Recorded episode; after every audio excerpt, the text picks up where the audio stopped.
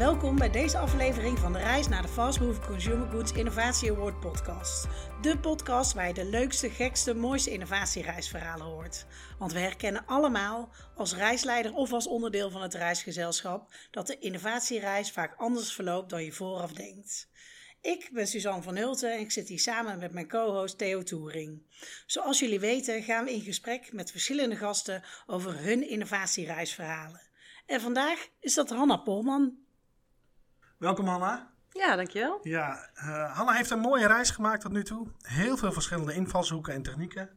Foodservice, FMCG, meer dan 16 jaar bij Unilever. Ja. Met een kleine onderbreking naar Coca-Cola Enterprises. Klopt. Klopt, ja. hè? Ja. Uh, later ook nog in het onderwijs bij de HAS. Ja. Daar hebben we het net ook al even over gehad in de voorbespreking. Ja.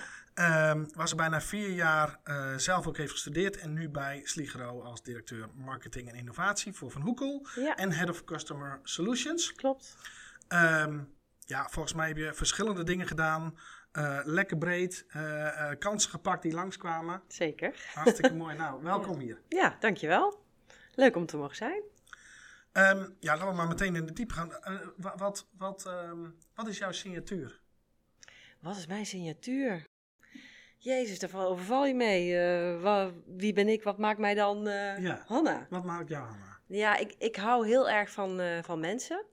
dus ik ben nieuwsgierig naar mensen. en dat maakt dat ik wat iets makkelijker, denk ik, dan gemiddeld onder de ijsberg kan kijken wat er gebeurt. En dat ik iets makkelijker misschien dan gemiddeld over de muren van, van ketens kan kijken wat er gebeurt. en die combinatie helpt mij op het gebied van marketing en, en innovatie. Gaaf. Dat, ik denk dat dat, zoals ik ja. het zou moeten zeggen. Ja, mooie, mooie brede blik daarin. Dus mensen en nieuwsgierigheid. Ja. Eigenlijk de twee. Ja, en ketendenken. Ja, ja ketendenken. Zijn, zijn dat ook uh, eigenschappen die je moet hebben al, om een goede innovator te zijn? Ja, ik, ik denk van wel. Ik denk, um, wat moeilijk is aan innovaties is... Um, je kunt heel veel observaties hebben van dingen die je ziet. Mm -hmm. Maar hoe zorg je er nou voor dat je die opstapelt tot een echt inzicht uh, een echte behoefte of een echt pijnpunt, wat voor meerdere mensen geldt, die emotioneel onder die ijsberg zit, waar gaat het dan echt om? En dan de vertaling maken en hoe kan ik die dan oplossen? Ja. Uh, dat is wel wat je nodig hebt. Dus die eigenschap van nieuwsgierigheid en mensen leuk vinden. Ja. En dus ook verder durven te kijken en die waarom-vragen durven te stellen. Ja, überhaupt stellen, dat, dat heb je wel nodig. Ja. ja, dat denk ik wel. En bedoel je dan met ketendenken ook het totaal, naar het totaal kijken? Ja, naar het totaal kijken. Breder durven kijken dan je eigen hokje. Ja. Je eigen afdeling, maar ook bij een, een klant of bij een groep uh, mensen. Wat gebeurt daar nou om hun heen? Wat gebeurt er aan de voorkant en de achterkant en tijdens hun spel, wat ze doen? Ja. Wat gebeurt daar dan? Wat is die omgeving? Hebben ze veel met wetgeving te maken of niet? Of hebben ze te maken met verstorende zaken van goederen die wel of niet komen? Of hebben ze te maken met nou, personeelsschaarste? Ja. Of wat is de omgeving waarin ze acteren? Ja. En wat betekent dat dan voor die en welke persoon? Pijn hebben ze dan en welke pijn hebben ze dan voor die groep mensen? Ja. Oh, mooi, lekker meteen de diepte in. Uh, ja, we gaan meteen. Ja, echt een interessante vraag. Ik dacht, ja. ik dacht ze krijgen, wie ben jij? ja. Ja, die komt nu. Die komt nu. Oh ja, dank oh ja. Wie ben jij eigenlijk? Nee, nee, kun je ons eens meenemen in een stukje van jouw carrière-reis? Ja, ja zeker. Um, ik heb uh, ooit levensmiddelentechnologie gestudeerd. En waarom? Ik was altijd met eten en drinken bezig, verpakkingen kijken. Ik vond het gewoon leuk en ik vroeg me elke keer af hoe zou er nou gemaakt worden en waarom staat dit er nou op? Dus toen uh, moest ik een studie kiezen en toen kwam ik uit bij levensmiddelentechnologie, want daar uh, leer je eigenlijk hoe je, nou ja, van korrel tot borrel, van zaad tot carbonaat iets maakt. Ja, van meel tot keel. Ja, van meel tot keel en alles wat ertussen zit. Ja. En uh, dat, dat vond ik dus super interessant. Dus ik ben dat gaan studeren. Ik had ook een heel B-pakket op de middelbare school. En als meisje was dat helemaal niet, dat deed me heel weinig. Maar ik vond het zo leuk, dus ik dacht ik ga dat studeren. En toen ben ik gaan werken in een tijd waarin er heel veel werkloosheid was. Bij Metropool, diepvriesgebakproducent. In een tijd dat veel HCCP en ISO-systeem moesten worden opgezet. Uh, en ontdekte daar dat ik eigenlijk niet zoveel van commercie wist. Dus toen ben ik eigenlijk bedrijfskunde gaan studeren. Om ook dat stukje te, te hebben. En vanuit daar ben ik eigenlijk gevraagd om bij Unilever te werken. Wij zoeken eigenlijk technologen die technisch commercieel zijn. Dus die voor ja. ons productielocaties kunnen zoeken. Contracten kunnen sluiten. En dat ook technisch commercieel kunnen begeleiden. Nou, zo is het balletje gaan rollen. En toen ben ik de marketing ingegaan. Ik denk nu 22 jaar geleden of zo. Geweldig. En, uh, en ben eigenlijk alleen maar bezig geweest met problemen oplossen van groepen klanten. En daar uh, oplossing voor bedenken of communicatie. In allerlei rollen. Wat ik jou dan waarschijnlijk heel goed kan, uh, sowieso de vraag kan stellen, maar was, was, waarschijnlijk best wel een mooi antwoord op kan geven, is dat als je kijkt naar hoe je ooit begon, hè, even 16,5 jaar bij Unilever, ja. en als je kijkt naar het innovatieproces aan zich, ja. wat vind je daar dan van? Als je even helemaal terug gaat naar het begin, hoe het ooit begon en, en, en hoe het vandaag de dag is. Ja, hoe het, waar Unilever denk ik continu heel sterk in is, is dat je echt begint met doelgroepen te begrijpen. En dus niet die individuele klant en daar iets voor maken en dat mm. proberen dan te leveragen. Maar wat vindt die hele groep nu? En daarop inzoomen en dan innovaties te maken, dat is denk ik nog steeds zo. Dat is in die 16, 17 jaar bij Unilever altijd hetzelfde altijd gebleven. Zo Altijd zo geweest. Zijn ze ook super sterk in. Um, en welke propositie, welke oplossing bedenk je daar dan bij? En welk merk past daar dan het beste bij? Pas, is daar het sterkst voor? Dat, daar zijn zij super goed in. Wat er veranderd is, denk ik, gedurende de tijd, is de, de tijd die het duurt om te innoveren. dus je ziet dat corporates dan ook heel lang daarover doen en heel veel risicoanalyse en heel veel onderzoek willen doen. Risico het misschien dan? Ja, gewoon heel zeker willen zijn dat het succesvol is. Dus prototypen, testen, nog een keer testen. En daardoor gingen anderhalf jaar gerust overheen voordat je nou, een nieuw merk misschien wel langer, uh, maar producten zeker. En dat is wel veranderd gedurende die 17 jaar dat ik heb gezeten. Het kon veel sneller. Daar hebben ze ook start-ups voor gebruikt. Om die versnelling te pakken en als voorbeeld en als inspiratie. En die tijd is gewoon wel veel korter uh, geworden. Ja. Ja. ja, dus nu gaat het eigenlijk sneller. Veel sneller, veel sneller. Uh, en ook veel meer test en learn. Of nou in een online wereld is of het is in de offline wereld. Dat is gewoon veel sneller. En dat doet een bedrijf als Unilever heel erg goed. knap. Ja. Wat we vanuit Bumble Brands altijd zeggen, eh, en dat is niet alleen een Nederlands probleem, maar dat is eigenlijk een wereldwijd probleem, is dat 80% van alle innovaties in food faalt. Ja. En de definitie van falen is, het staat na een jaar niet meer op het schap. Ja. Um, als je teruggaat naar 16,5 jaar geleden, ja. was het misschien ook wel zo. Zeker. En is het vandaag de dag dan ook nog zo? Of is het ja, ik denk dat die 80-20 bij een bedrijf als Unilever niet 80-20 was, maar wat kleiner. Hè? Dus ik denk dat 90-95 wel, uh, wel slaagde. Maar wat niet slaagt, of waar ik in die, die tijd dat ik daar heb gewerkt en ook nu nog steeds, wat niet slaagt, is iets wat je doet voor een individuele klant. Dus iets wat je maakt voor één mm. klant en dan probeert te leveragen naar meer klanten. Mijn ervaring is dat dat gewoon niet werkt. En dat er heel veel bedrijven zijn die vanuit een salesperspectief dus daarnaar kijken. Dit is echt, als we dit doen voor de klant, kun je het daarna verder brengen. Maar dat werkt gewoon niet. Ik heb Omdat veel voorbeelden. Doelgroep. Het is niet voor een bredere doelgroep. Het is, uh, je hebt iets op maat gemaakt. Dat is fantastisch voor die klant. Maar de volgende klant wil het net anders. Of het probleem was toch net anders. En daarom moet je stapelen in de problemen in een doelgroep. Van wat is nou het echte probleem van deze groep mensen? En dan kun je iets bedenken wat voor meer mensen geschikt is. Ja, en eigenlijk dus niet diep genoeg gedoken in wat nou echt het probleem is. Nou, voor die ene klant wel. Maar dat is dus niet voor een hele groep klanten zo. En vaak is het probleem veel genuanceerder. En als je onder die ijsberg de waarom-vraag gaat stellen, krijg je andere antwoorden. En dan pak je die pijn dus maar op één dimensie en je pakt hem eigenlijk niet goed voor één, bij één klant. Ja. Dat is uh, waar die zit. Hey, en je, je, zegt nu een aantal keer die ijsbergen. Ik zie hem voor me, maar kun je daar iets over uitleggen? Ja, een, een, een klant. Um, een klant of een groep klanten praat over een onderwerp, maar heeft dan, praat dan vaak over wat de gevolgen zijn voor hem, waar hij last van heeft. Maar kan eigenlijk helemaal niet goed uitleggen hoe dat dan komt of waar hij dan echt mee zit. En onder de ijsberg kruipen is eigenlijk de waarom-vraag stellen en dat naar boven halen. Uh, en dat doe je door heel veel gesprekken te voeren. En bijvoorbeeld um, binnen de horeca hoor je dan, ja, ik kan geen personeel vinden. Het is echt zo moeilijk. En uh, het personeel wat ik heb, die is ook nog eens niet geschoold. Hè. Dat is wat je aan de bovenkant hoort. Dat zie je ook overal. Wat je ziet, ja. Uh, en als je dan gaat doorvragen, waar zit dan de echte pijn? Dat zit vaak op een emotioneel vlak. Ja, ik heb mijn personeel niet. Dus ik moet shifts dichtgooien. Dus ik moet een dag mijn zaak dichtgooien. Of ik moet de hele lunch eruit gooien. Dus ik weet niet of ik mijn rekeningen volgende maand kan betalen. En dat zit eigenlijk onder de En dat zit, daar zit je echt op de essentie. Het gaat over het bestaansrecht van de chef. Die ontzettend onzeker is. Ben ik er volgende maand nog? Want zijn cashflow is vaak maar 1, 2 maanden. Dat vinden we ongelooflijk, maar dat is wel zo. En dan wordt het probleem anders. Want ik kan met een personeels, als het over personeelschaars is, kan ik komen met trainingen voor die mensen. Of ik kan komen met, nou dan heb ik nu een goed uh, oplossing. Uh, een selectiebureau voor jou. Maar dat is dus niet de oplossing. Nee. En uh, daar gaat het over. Ja. Ja. Mag nog heel even terug naar jouw eerste stap. Levensmiddeltechnologie, toen kwam je bij Unilever, toen werd je marketeer. Ja. Vond je jezelf een andere marketeer dan alle marketeers die daar zaten? Uh, het is grappig dat je dat vraagt. Ik heb wel eens gevraagd uh, aan die marketeers in dat team waar ik toen uh, een jaar of zo zat: van nou, wat, wat maakt mij dan anders of zo? Hè? En toen zei een van die mensen, toen zei iedereen: ja, dat is zo. Jij stelt zoveel vragen. toen dacht ik: maakt dit me nou uniek serieus? Dat enige? Ik was eigenlijk best wel een beetje beledigd. en toen zei hij: het is eigenlijk heel positief, want doordat jij aan heel veel mensen dezelfde vraag stelt ben jij veel meer aan het stapelen dan dat ik aan het ben in de oplossing. Dus toen dacht ik, oh ja, zo heb ik er nooit naar gekeken. Dus ik denk dat ik dat anders, anders deed dan gemiddeld, omdat ik van een andere branche kwam en dacht, doe ik het wel goed? Snap ik het wel goed genoeg? Ben ik wel die marketeer? Ging dus heel veel vragen stellen. Ja. En ik denk dat ik dat, dat, dat het daardoor iets anders was. Maar over de, door de jaren heen misschien niet meer hoor, maar uh, zeker nee. En vanuit een stukje nieuwsgierigheid. Ja, zeker. Hè, om er echt achter te komen. Echt willen snappen. ja. En in, in het begin, zoals je dan net zei, ook om, als bevestiging van uh, doe, doe ik het wel goed. Snap ik het echt wel. Ja. Ja, dat, ja. ja. ja. En heeft de, de hoek levensmiddelentechnoloog ook nog daarna, hè, dit zijn meer de soft skills, heeft het inhoudelijk ook nog iets anders gebracht vanuit richting het vak. Waar, waar ik heel sterk in geloof is dat Ehm, echte innovatie gebeurt vaak aan de randen van een vakgebied.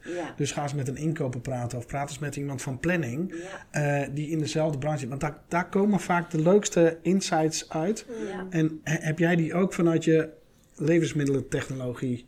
Niet zozeer vanuit, behalve dat ik gewoon heel goed uh, eten en drinken snap hoe het wordt gemaakt. En daar niet mee geflasht kan worden als iemand een oplossing brengt van ik denk dat klopt gewoon niet, zeg maar. Dus dan klopt het mhm. niet voor die groepchefs of, uh, of ondernemers. Ik vind wel zo dat echte creativiteit hoeft niet vanuit de marketeer te komen. Die, dat kan van hele gele mensen van hele andere afdelingen komen. Dus de beste teksten of de beste quotes kwamen vaak van gewoon hele creatieve mensen. Die op een planningafdeling, zoals jij zegt, of ergens anders.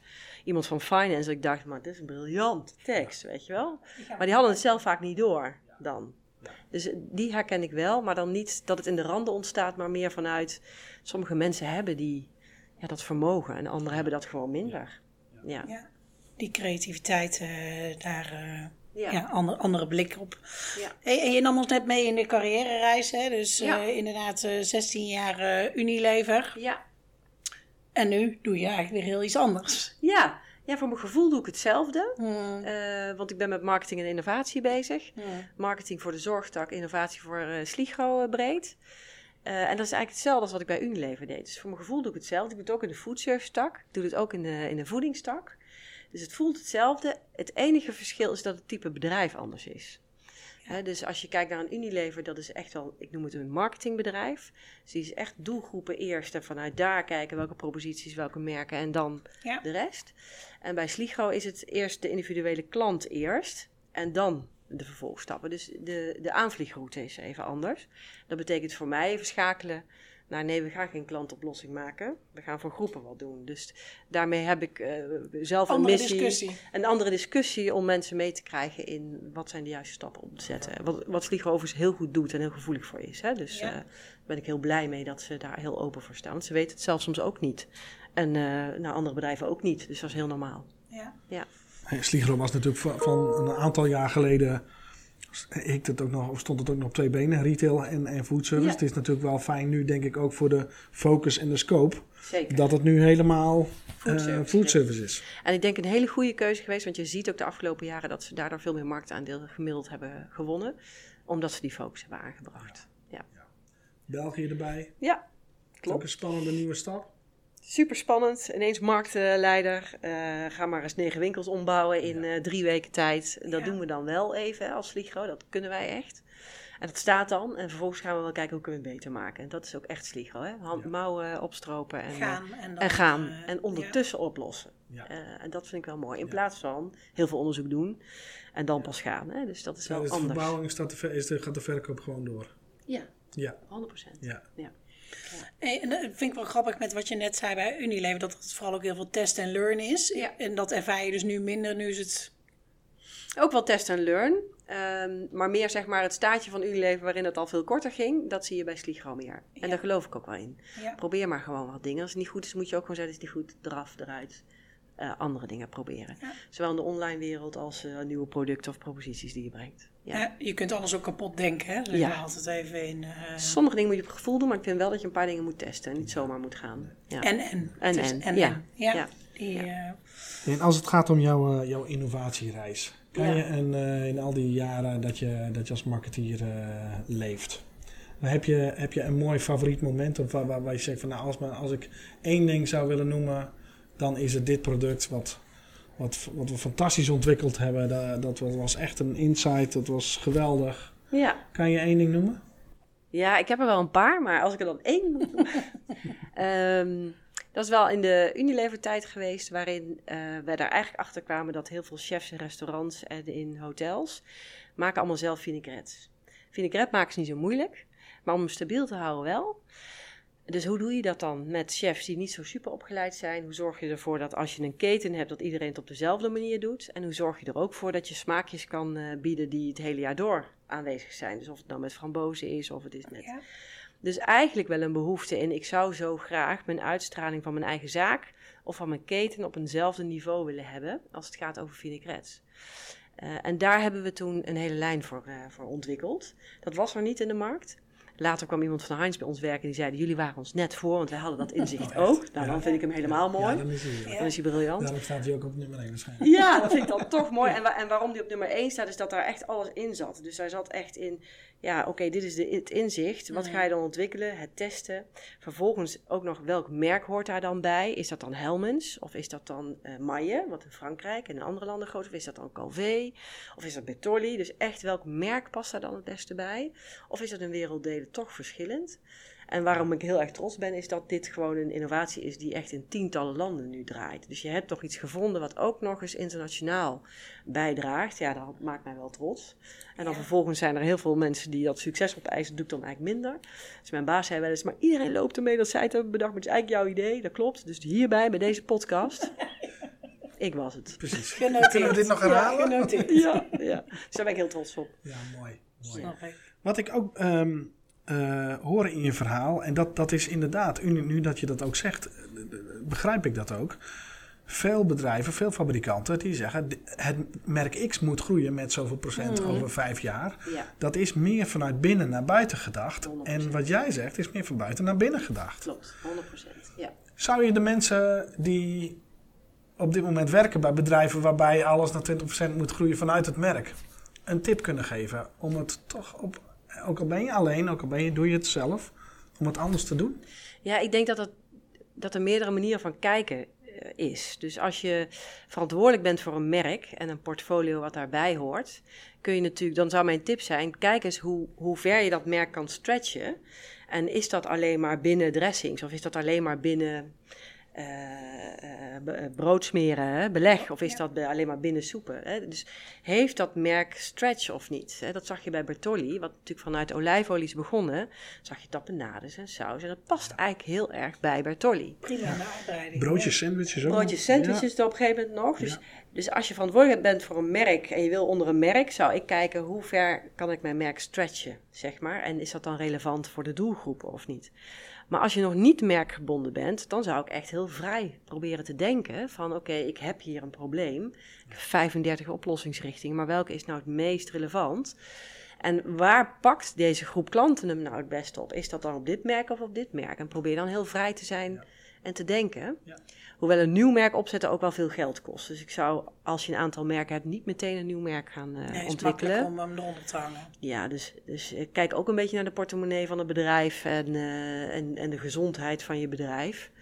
Uh, maar als, als die mogelijkheid er wel is en je denkt hier zit iets en niemand heeft hem, ja, dan zou ik die wel weer pakken. Dus ja. er zijn verschillende manieren van kijken, denk ik. Ja. afhankelijk van de context. Ja. ja, en het is goed om beide af te wegen eigenlijk. Ja, zeker. Zeker. ja. Mooi. Hey, en uh, dit was uh, nummer één die je net zei van de, van de dressings. Die van jou, hè? Ja, dat is jouw idee. maar um, dat is natuurlijk echt een favoriet moment. Hè? En wij vinden het ook altijd leuk om, want we denken dat we juist heel veel leren van de fuck-ups die we hebben gedaan in alle innovatiereizen. Kun je ons daar eens een meenemen? Genoeg gehad. Ja. Nou, ik heb er eentje gehad ook in de Unilever-tijd. Was, uh, iemand was verantwoordelijk voor de sales, had een aantal accountmanagers uh, onder zich en die zei: Ja, um, we hebben een sachetje voor mayonaise, een sachetje voor ketchup en een sachetje voor curry, maar we hebben niet die man de mosterd. En doordat we de mosterd niet hebben, kunnen wij de range niet in verkopen, kunnen wij niet verkopen. Nou, dat klonk heel plausibel. Hè? En ik was toen heel jong, ik was net binnen. Dus ik dacht, ja, niet... Het project is geboren. Ja, project is geboren. Ik, moet, ik moet die mosterd jij erbij want dan kunnen we de range, dan gaan we winnen. Helemaal inside out natuurlijk, hè. Dus, uh, ik aan de slag. Mosterd zoals jij was er. Nou, ik denk dat er nog uh, misschien één klant hem heeft besteld. En de rest niet. Hè? Dus dit is wel echt zo'n voorbeeld van. Het klonk zo ontzettend logisch. Maar er zat geen klant op te wachten, want uiteindelijk was dat helemaal niet de dealbreaker. Er was iets totaal anders wat de dealbreaker was. Want die werden gebruikt bij catering. En er waren hele andere contracten die, eh, die nodig waren. En dat, dat hing echt niet op die ene sociëteit die we niet hadden. Nee, mooi dus- voorbeeld van boven de waterlijn, wat je ziet. Uh, Precies. Hè? Ja. Dit is er niet, in plaats van wat is nou echt de oplossing. Absoluut. Dus dat is, dat is er zo één. Ja. ja. ja. echt een, een mislukking. Ja. Mooi, die horen erbij. Hè? Ja, die horen er zeker bij. Die horen er zeker bij. Ja. Ik had toevallig, toevallig vanochtend een uh, gesprek met een klant uh, waarbij we even afdwaalden over, uh, over van alles en nog wat. Maar een van de dingen die me wel bijbleef is dat toen ik begon met mijn eerste baan en marketing deed, zat de directeur nog aan de MT-tafel, de marketingdirecteur. Ja. Vandaag de dag zit soms wel, maar zit die zelden aan tafel. Ja. En dat is voor het vakgebied eigenlijk ontzettend slecht. Ja. Een van de dingen is dat natuurlijk innovaties hebben een hoge faalkans. En in onze planning en in onze budgetcyclus gaan we het allemaal doen. Hè? Dus de, de, de marketeer samen met sales is een beetje de predikant van hè, wat gaan we de komende drie jaar doen. En wat voor volumes gaan we allemaal binnenhalen. Ja. Ehm, dus daar zit tegenwoordig de financieel directeur, uh, eh, ICT zit tegenwoordig ook al op, uh, op, uh, op de MT, op, de board level. CEO of die nou wel of niet innovatiegedreven is, hè, of die dat aanjaagt. En dan zit daar een sales verantwoordelijk, commercieel verantwoordelijk, want die, die marketingmanager zit er niet meer. Maar dan mag die marketeer dat verhaal weerhouden van we gaan uh, de komende drie jaar weer tien innovaties doen en die gaan allemaal succesvol zijn. Ja.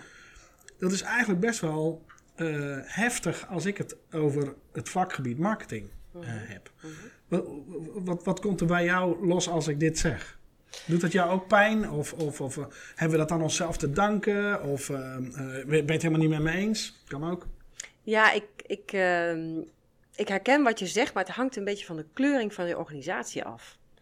Dus um, als je een bedrijf bent die heel erg vanuit doelgroepen denkt en daar business uit wil halen, dan zie je dat de marketeer of de marketingmanager, directeur, maar welk naampje het beestje heeft, die zit absoluut aan tafel. Want dat is de voeding, want dan ben je vanuit buiten naar binnen aan het denken. Dan zitten ze vaak aan, uh, op boardlevel aan tafel. En dan snapt een bedrijf ook heel goed, ja, zonder dit inzicht en zonder deze kennis komen wij niet verder. En je hebt bedrijven met de kleuring. Ja, het gaat gewoon nou eenmaal om wat we verkopen. Uh, en sales brengt het geld binnen, bij wijze van spreken. Uh, en dan zie je dat eh, die mensen minder goed aan tafel zitten. Um, en vaak zie je ook dat die organisaties waarbij die mensen niet aan tafel zitten, wat meer korte termijn gericht zijn.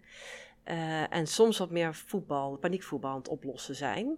Uh, terwijl de, de, bedrijven waar de marketeer, hè, die meer vanuit marketing denken, of vanuit marktgroepen denken, die zijn wel vaker wat langer termijn gericht en doen minder aan paniekvoetbal. Dus dat is de kleuring die ik zie. En beide is charmant. Hè, dus, uh, en ik denk dat als je marketingverantwoordelijke heb je in beide organisaties een rol te spelen. Uh, dus je kunt daar heel negatief over zijn, maar je kunt ook denken: oh, dat is interessant.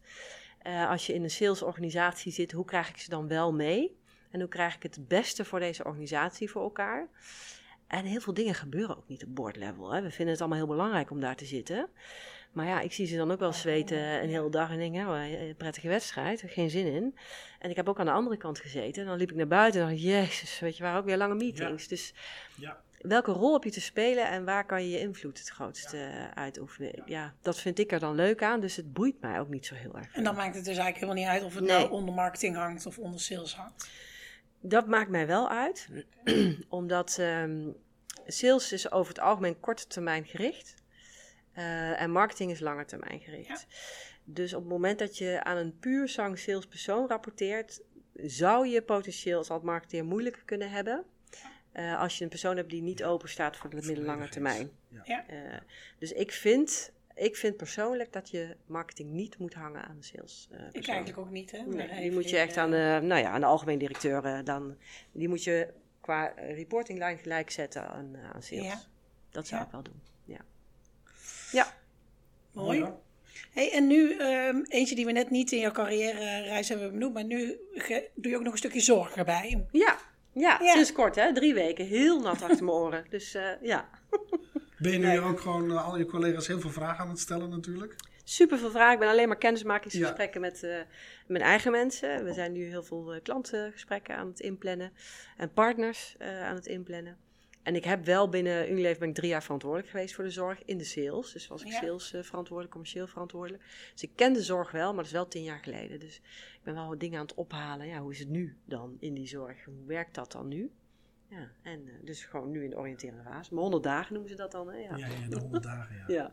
Nou ja, je zou eigenlijk zeggen, dat, uh, ik heb ooit eens een keer gehoord dat van alle kosten in de zorg is anderhalf tot 2 procent heeft te maken met voeding. Ja.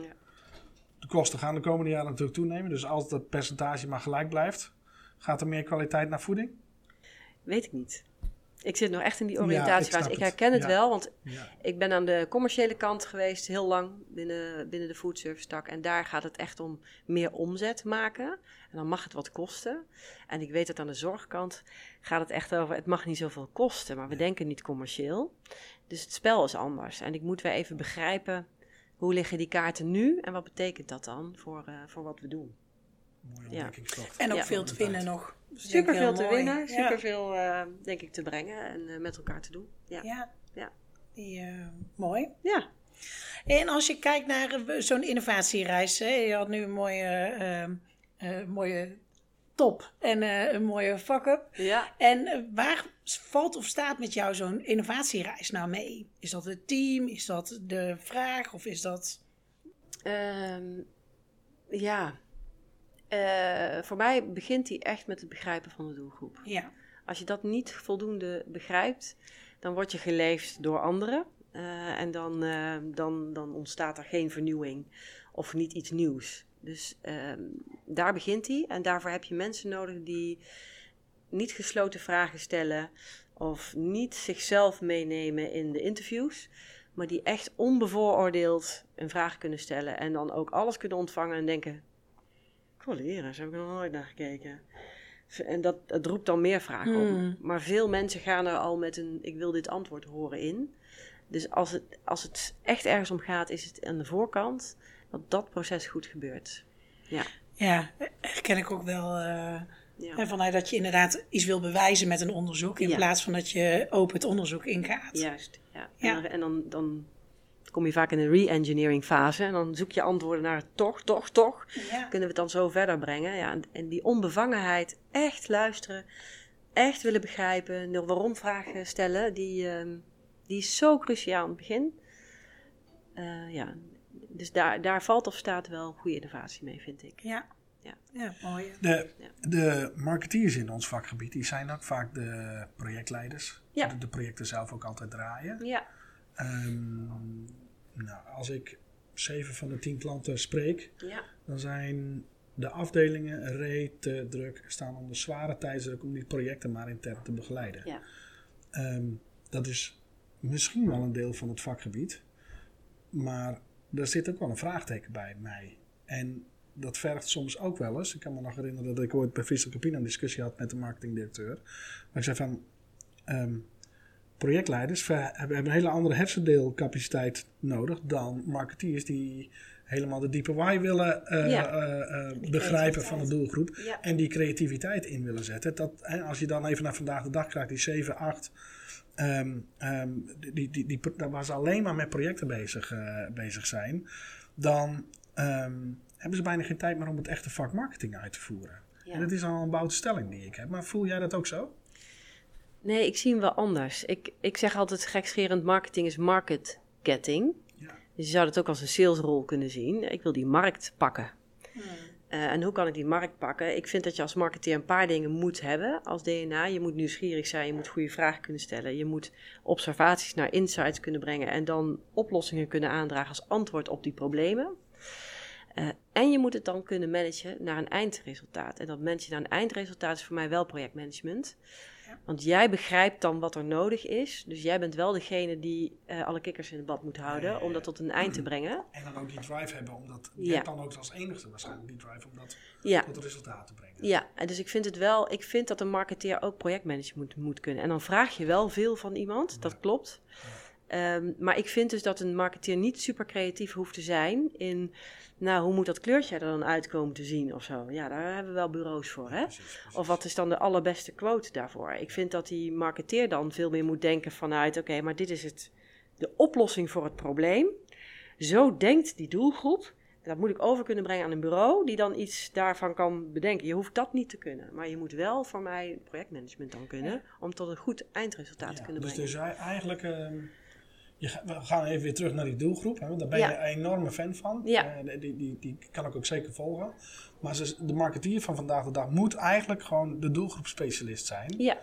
En, en die moet er alles van weten. Ja, daar, moet heel veel tijd, daar moet heel veel tijd en energie in. En dat vind ik wel. Ik vind dat marketeers heel weinig buiten zijn.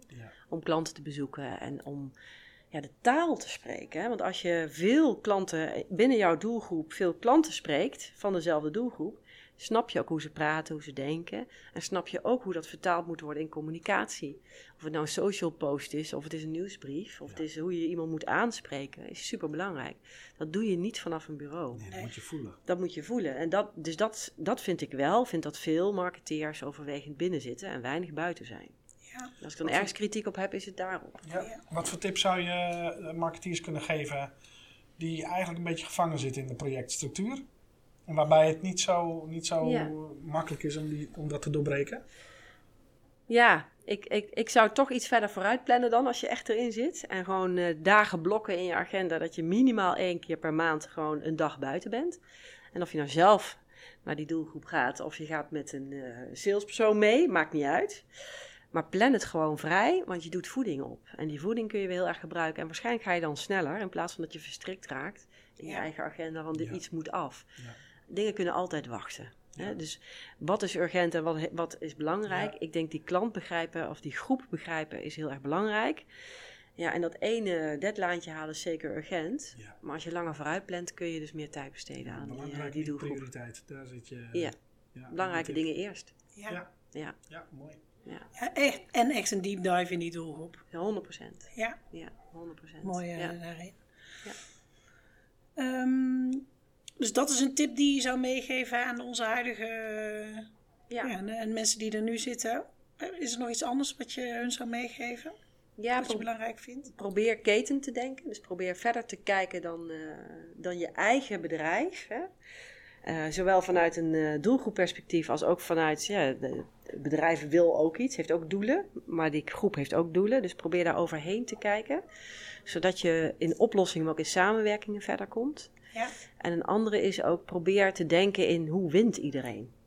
Dus uh, hoe wint deze doelgroep als ik uh, dit, uh, deze propositie breng? Mhm. hoe wint eventueel de partners waarmee ik het doe? En hoe win ik zelf als bedrijf?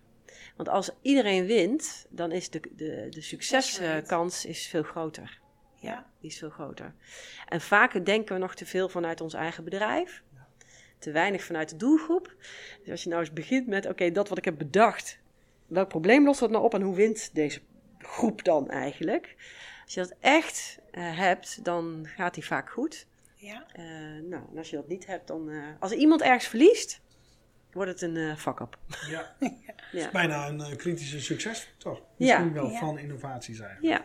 Ja. in mijn team zeg ik ook altijd, wat zijn de drie keer winst? Dus hoe wint de klant? Hoe wint Sligo en hoe wint de partner? dus in die driehoek, uh, en als er meerdere partners zijn, en als er iemand verliest, dan is het gewoon geen goed idee. Ja. Ja. ja. Dus die, uh, die zou ik meegeven. Ja. ja. ja. Gaaf, mooi tip. Ja. Hey, en um, we hebben jou ook gevraagd om iets mee te nemen. Ja, ik heb echt niks mee. ik dacht, wat neem ik nou mee? Ik heb één keer naar een, uh, een uitzending een fles port meegenomen. Toen dacht ik, ja, dat kan ik weer doen. Die was leeg? Ja, ja die was inmiddels leeg. Ik vind port namelijk wel echt een mooi natuurproduct. En daar komt echt aan op uh, vakmanschap aan de ene kant. Maar ook steeds meer in die agrarische sector waar data wordt gebruikt om dingen te voorspellen. Nou, hoe kun je nou zeg maar de combinatie van een vakmanschap offline naar iets met data combineren tot gave producten. Daar worden we steeds beter in. Dus dat zou een product kunnen zijn. Ja. Maar ik heb niet één product die linkt aan innovatie. Dus ik dacht... Of wat jou omschrijft. Of wat mij omschrijft, ja. Nee, prima. Heb ik niet echt, sorry. Maakt niet uit. Misschien een quote? Um, die want je zei net, hè, de, de, de drie keer win. ja. Misschien uh, vind ik al een hele mooie, maar misschien heb je er nog een. Nou, ik geloof dat um, de oplossing voor een probleem wordt niet vaak gevonden op hetzelfde niveau als het probleem. Hè? Dus dat is die ijsberg. Je hoort iets zeggen, maar de oplossing zit vaak op een ander niveau. En Einstein zei dat heel mooi op zijn Engels, geloof ik. Hè? So you, you can't solve uh, the problem on the same level. En hij, hij zegt dan, geloof ik, dan moet je naar een next level. Ja, ik geloof niet in een next, maar naar een ander level. Een different level. Ja.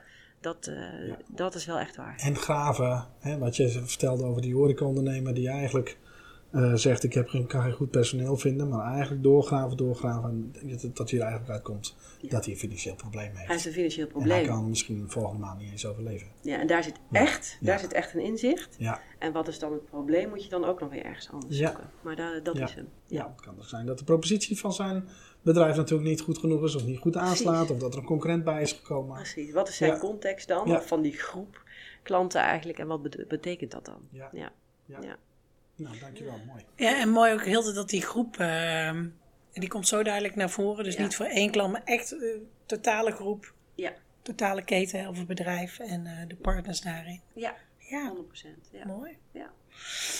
Zijn wij nog iets vergeten? Nog iets wat jij graag zou willen vertellen? Nee, ik denk dat er heel veel geraakt is in het innovatietraject. Ja. Wat voor cijfers zou je innoverend fast moving consumer goods Nederland willen, willen geven toen je begon en, en, uh, en nu? Ja, toen begon was er wel echt een andere context dan nu. Ik denk dat uh, als het gaat over de food sector zou ik het een 7 geven. Uh, en vind ik het nog steeds een 7. Uh, maar er is wel heel veel gebeurd. Ja, ja er is wel veel gebeurd. Um, maar het is niet dat het nou uh, state of the art uh, anders revolutionairder is geworden. Dat vind ik niet. En wat zouden we moeten doen om daar een acht van te maken? Um, ja, de, de, dat is ingewikkeld om te zeggen. Want in de ene organisatie uh, moet er dit gebeuren, in de andere organisatie moet er dat gebeuren. Um, ik denk het echt luisteren naar doelgroepen is belangrijk. De transitie kunnen maken naar oplossingen die dan ertoe doen. Uh, en daarin volhouden. Dus ook niet te snel de stekker eruit uh, trekken, maar dan ook volhouden. En als het schuurt, dan zit er vaak iets hè, in communicatie. Dus, uh, laat me lekker even schuren. Laat me even schuren, laat me even borrelen en, uh, en dan komt het wel. Ja. Ik moet een beetje denken aan het weekend stond in het Financieel Dagblad een stuk over plantaardige vleesalternatieven. Ja. Dat het helemaal niet meer goed gaat. Hè. De twee grote spelers zijn op een randje failliet. Ja. Um, heeft het misschien ook niet te maken met uh, wat wil de doelgroep nou echt? Uh, welke transitie tussen wat ze zeggen en wat ze doen? En ja. ben je een kopie aan het maken? Ik denk wel dat heel veel mensen op dit inzicht zijn gesprongen. En dat je dus gewoon veel te veel partijen nu hebt die hiermee bezig zijn. Ja. Ik geloof heel erg dat die transitie uh, nuttig is en goed is, maar ik geloof ook dat het niet het enige alternatief is. Um, dus ik, ik, ik, denk dat hij daar zit. Hè. Er zit in een speelveld met te veel partijen nu die allemaal ongeveer hetzelfde aanbieden. En waar ben je dan uniek? Weet ik niet. Ja. Weet ik niet. Nee. Ja. Dus er is niet zoveel ruimte voor. Uh, nee, als je kijkt naar de volumeplas, hoe groot is die nu en hoeveel is er dan ruimte? Het voelt alsof het bijna aanbod gedreven is. Uh, als je nu naar de supermarkt gaat. Inmiddels, inmiddels wel. Ja. ja. ja en, en, heb je dan die business case goed doorgerekend? Of dacht je met uh, partij nummer 51 dat jij nog wel een gaantje kon pikken? Ik weet het niet. Ja. Hey, en Hanna, aan het begin zei je ook, uh, vroegen we wat typeert jou nou? Hè? Zei je ook echt dat mensgericht in, ja. uh, komt dat nu ook terug in jouw teams? Of we hebben nu vooral over proces gehad. Ja. Uh, kun je daar nog iets over vertellen? Over de mensen die mee op reis gaan, om zo te zeggen? Ja, ik probeer wel altijd in mijn team verschillende kleuring te hebben. Dus ik ben heel bewust bezig met wie ben ik zelf. En welke mensen neem ik in, mijn, in mijn team eh, aan? Om vooral niet te veel van mezelf eh, te hebben. Mhm. Heel spannend. Soms heb ik gesprekken met mensen dat ik denk: ah, je bent echt anders. Uh, soms ook echt irritant. Maar dan denk ik wel: oh ja, maar dat hebben we wel echt nodig, want het ontbreekt nog. Durf je ook iemand dus, aan te nemen die echt in het andere kwadrant zit wat jou mee irriteert? Ja, 100%. Dat kan je aan mijn teams vragen, maar dat, dat, dat durf ik absoluut. En ik, uh, ik, ben ook, ik sta ook wel bekend om mensen aan te nemen die veel beter zijn dan ik. Uh, dus dat vind ik ook altijd wel uh, spannend. Dan denk ik, oh, die gaat echt heel hard en die vind ik echt heel slim. En uh, oké dan, zeg maar. Dus dat durf ik zeker ook. En um, ik weet dat ik zelf een bepaalde kleuring heb. Dus dan is het ingewikkeld om ervoor te zorgen dat dat, dat niet zo is. Dus ik zorg dat de mensen die interviewen die andere kleur zijn. En dan spreken we wel van tevoren af, we zoeken dit. Hè? Dus we gaan ook op zoek naar dit. zodat iedereen dat dan ook weet. Minimaal drie andere mensen eromheen, ja. ja. Is dat dan ook heel bewust die wrijving opzoeken die je eigenlijk net zegt? Want dan gebeurt er ook iets. Ja, ja zeker wel. Ja, je hebt wel voeding nodig. Ik vind wel dat mhm. alle kleuren hebben een rol. Uh, en van sommige kleuren heb je in sommige functies wat meer nodig. dus in marketing en innovatie heb je wel iets meer rood-geel nodig. Uh, vind ik, vooral geel, maar ook niet te geel. Want als ze wegvliegen, zeg maar, dan landen ze niet meer. En je hebt ook projectmanagers nodig. Dus dan mag er ook wel wat, uh, wat rood uh, in zitten. Ja. Maar het groene, het intuïtieve, dus intuïtief geel-groen heb je heel erg nodig om weer onderzoek, marktonderzoek te doen en echt te luisteren. En als een olie in de organisatie, mensgericht, die heb je ook nodig. Ja, en blauw helpt gewoon. Ik heb één echt blauwe aap. Ja, het is gewoon echt heerlijk als het gaat over data. als het gaat over ja. Uh, gewoon de puntjes op de i en uh, vra andere vragen stellen. En uh, dat maakt het wel echt rijk. Ja. Dus daar ben ik wel echt altijd mee bezig. Mooi hoor, ze denken niet elke manager. Maar nee. dat is wel gaaf. Ja. ja. Omdat je gelooft in de kracht van het team. Absoluut. En de verschillende kleuren. Ja. Dat die allemaal zijn werking hebben op, uh, op uiteindelijk de, het resultaat van het bedrijf. Ja, en veel teams die, uh, waarmee ik nog geen kleurenprofiel heb gedaan, die niet wisten wat ik was, zeiden: Ja, bent heel goed. Dat dacht ik nou echt niet. En dan kwam het eruit en dan zei ze: Nee, dat kan niet. Dat, dat kan niet dat jij dat bent. Maar dat ben ik dan dus wel. Rood-geel. Ja. Dus ja. ja. Dus je, je, je kunt wel een stukje... Gericht, maar hè, ja. Zeker. Ja. ja. Beide hier. Kan wel, ja. Ja, het is niet altijd de makkelijkste mix, maar hè? Nee, klopt. Zeker niet. Daarin, uh, Zeker niet. Mooi om ook zo, uh, ja, zeg maar, hem rond te maken. Want uiteindelijk draait het natuurlijk ook op de mensen die uh, eromheen zijn. De mensen maken het verschil. Ja. En zeker niet het management. Nee, of het budget. Of het budget. Nee. Nee, nee mensen. Echt, mensen maken het verschil. Ja absoluut. Ja. Ik zou zeggen, mooi afsluiten. Mensen maken het verschil. Ja, 100 procent. Ja. Tof. Anna, dankjewel voor je komst. Ja, jullie bedankt voor de uitnodiging. Ja, leuk dat je er was.